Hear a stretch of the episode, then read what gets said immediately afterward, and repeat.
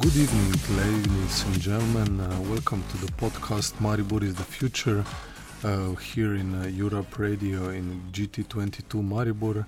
Today we host ourselves uh, a young, uh, talented UK based dubstep producer and DJ Olivers. Uh, welcome uh, to Maribor, to the studio. Oh, thank you. Hi. and thank you for joining us. Um, we invited you, you had a really crazy year, we could say, uh, in uh, in your career. Uh, can you a little bit sum it up? You you had a big remix, afterlife of Chamis. You had you were put on a compilation, dubstep compilation, and you also played with some of the um, best artists on the scene. Yeah, it was a crazy year last year. Um, it kind of all started when I did my first show ever, um, which was like December 2016. I played in Montpellier. Um, that was like the first ever booking that I got. Um, it was actually f- from when I done that show. That's where the Afterlife remix came from. Um, I was playing with a lot of rhythm guys, and I thought I'm gonna have to like try stand out here and kind of like make something a bit fresh. So uh, I thought I'd do a remix of the Afterlife um, track by Chami. Um, so I made that for the show, and it went down okay. But after after the show, I was kind of just sat on it like, oh, I don't know whether to release this or not. So, yeah, I just went ahead and released it, and that's how that came around. But um, yeah, that was kind of the start of the year. mm-hmm, mm-hmm. And uh, did you? Uh, how did the response came? A lot of DJs picked up the the song, played it in the clubs, also in the remixes. Yeah, it was crazy when um, when I released it. It was literally just a case of putting it up on SoundCloud. I didn't really expect that much from it back because um, yeah, I just didn't really expect much of it, but I woke up the next day after I put it on SoundCloud with a message off uh, Luke from UKF. Um, said, would really like to upload it. I was like, great. Yeah, this is like nice. the best thing that could happen. So um, he put it up on UKF, and yeah, the numbers just started going up from there, just out of nowhere. So mm-hmm, yeah, that mm-hmm. was great. But yeah, then later, in fact, in fact, later on in the year, um, I was talking. I've been talking to the UKF guys like ever since then uh, they got it put on the UKF compilation album, which came out at the end of the year, and they managed to actually turn that into like an officially licensed remix. Um, so yeah, that's an official official remix now. Mm-hmm, mm-hmm. And how how does a song like become um, hit uh, or in the underground scene? How does it get picked up? The, did you promote it? Did you uh, play it on the radio, on mm-hmm. podcasts, on blogs? Yeah, there wasn't actually much um, that I'd done for it really. I, I played it again um, when I played in Paris with Getter. Um, played it there and I got quite a good reaction there, and I, I put a video up of it online. Um, but yeah, apart from that, I just just put it up on SoundCloud. Just put the release out a few days before, uploaded it, and then um, just out of nowhere, UKF happened to stumble across it. So mm. it was quite a natural natural thing that happened. Yeah.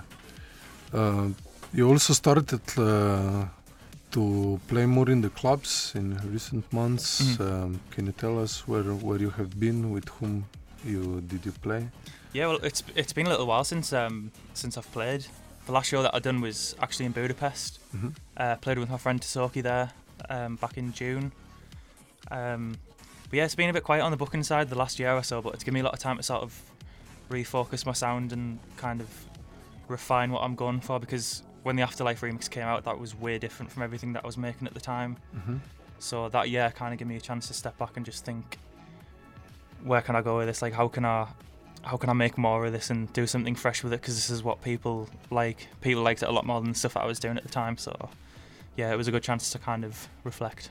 Mm-hmm, mm-hmm. So, what did you prepare now after, after Afterlife? You also won. Uh, a, a remix concert, mm-hmm. co- uh, contest again. Uh, what will we hear today in Maribor, maybe?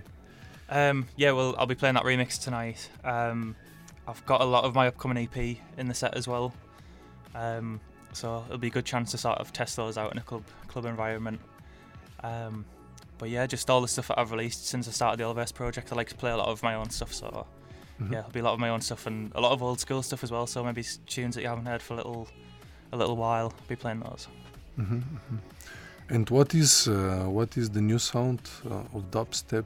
Uh, what are you looking for in Um, I've been making a lot of like old school sounding stuff that kind of um, gives a nod to the old stuff, but putting a new twist on it.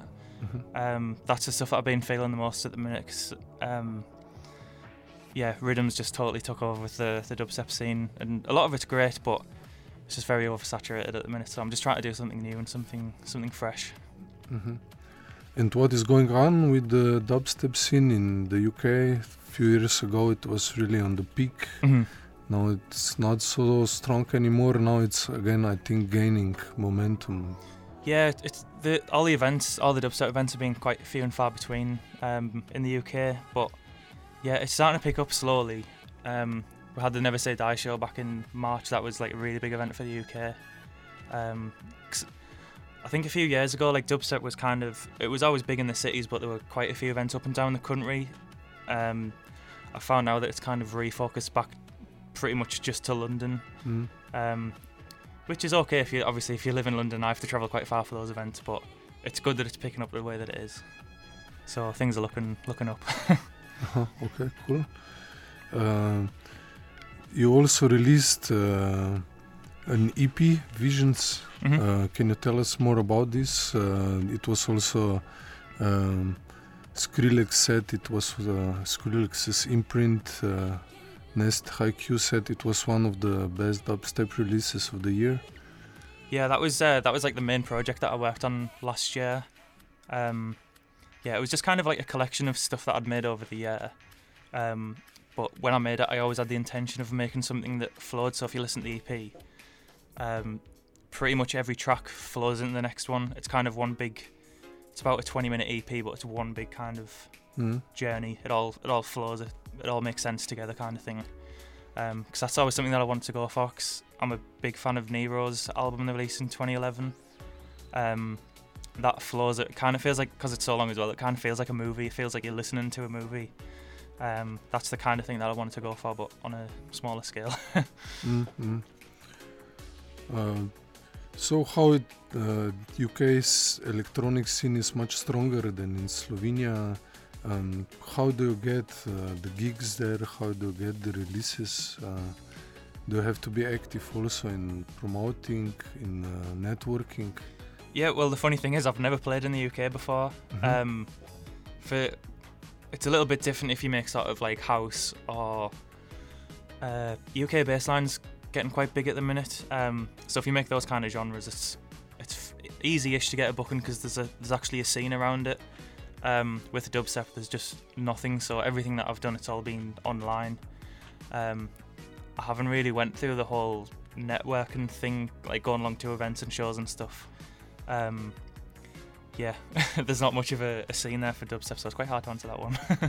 Oh, okay. So you basically Europe uh, or the continent uh, picked you up more than yeah, your yeah, home base. yeah. It was. Uh, it, it's been France most of the time. Um, out of the four shows I've done so far, three of them have been in, in France. So Mhm. Mhm. yeah, the French have been very kind. Cool, cool. Uh, and for how long have you been doing uh, music, uh, electronic music, and producing it?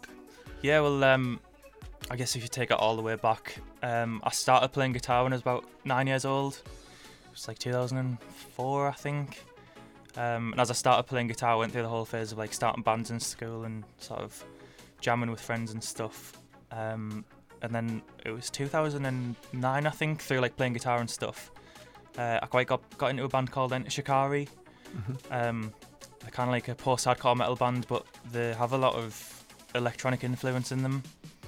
Um, and I went to go see them, and they had some DJs called True Tiger open for them, which were dubstep DJs. Mhm. Um, and before that gig, um, I'd never listened to dubstep before.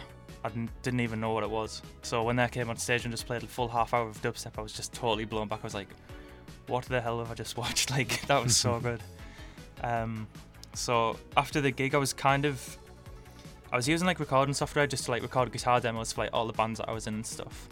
Um, and as I started to Google, I was like, there must be a way to do this, like, like to make this kind of music with a similar software. Uh, and I came across Fruity Loops. Um, and probably for the first year or two, um, I was just kind of, just whenever I had some free time, I was just going back and kind of trying to get in this dubstep thing I was listening to a lot. But um, yeah, I started producing a lot then. Um, but yeah, it wasn't until 2015 when I launched like the Oliverse project. That's when I started to do things like seriously. Mm-hmm, mm-hmm. So yeah, all built up to to there. But it was good to kind of get into it when I did because it was when it was like 2009. It was when dubstep was kind of building up to what it what it's well what it became. Mm. Um, it was just as like Rusko was really big on the scene, and then a year later Skrillex came around and obviously turned everything upside down. So it was quite cool to, to listen to at the time that I started listening to it. But um, yeah, that's how everything everything started. Mm-hmm. And uh, what you're listening to now, besides uh, that's dubstep, where the the influences come from? Yeah, I listen to a lot of um, a lot of post-hardcore um, bands like Underoath, Seos, and quite heavy stuff. Uh-huh, yeah. Um, stuff from that kind of era. Um, I listen to a lot of that. Um, I've been getting into vaporwave quite recently. I'm quite late to the uh, quite late to the boat with that, but um, yeah, it's just great music for just when you're chilling out and just doing other things. It's great background music. I've been quite influenced by it actually, just sort of digging out what samples they're using and how they how they're flipping it around and stuff. Mhm. But yeah, just post-hardcore and vaporwave at the minute. Interesting. yeah. Uh, and besides music, uh, you're a student, you're studying, or uh, you're Um, trying to do professional music career? Yeah, I'm trying to do music full time, but at the minute, um, I'm working towards getting a marketing qualification. Mhm. Um, I currently work for local government, 30 hours a week, so that eats up a lot of my time. Um, but yeah, everyone I work with is like really nice, so that makes all the difference when I'm not quite feeling feeling work and I'm wanting to just get straight back home to work on music again. Um, but yeah, I'm hoping to make the jump within the next like year or two, hopefully to do music full time. But at the minute, it's a bit of a juggling game, Mm, mm. time wise. Uh, yeah, we wish you good luck with that. Yeah, thank you. I'm looking forward to it. Thank you for an interesting interview. Uh, also, good luck on the stage, uh, on Mladina stage, um, and uh, have a nice time. Yeah, thanks very much. Can't wait. Okay, um, thank you also to Urban Ambrozic, who was our, technical sound guy today, and thank you for listening. Um, welcome to Mladina stage to GT22 and listen to Maribor is the future. I got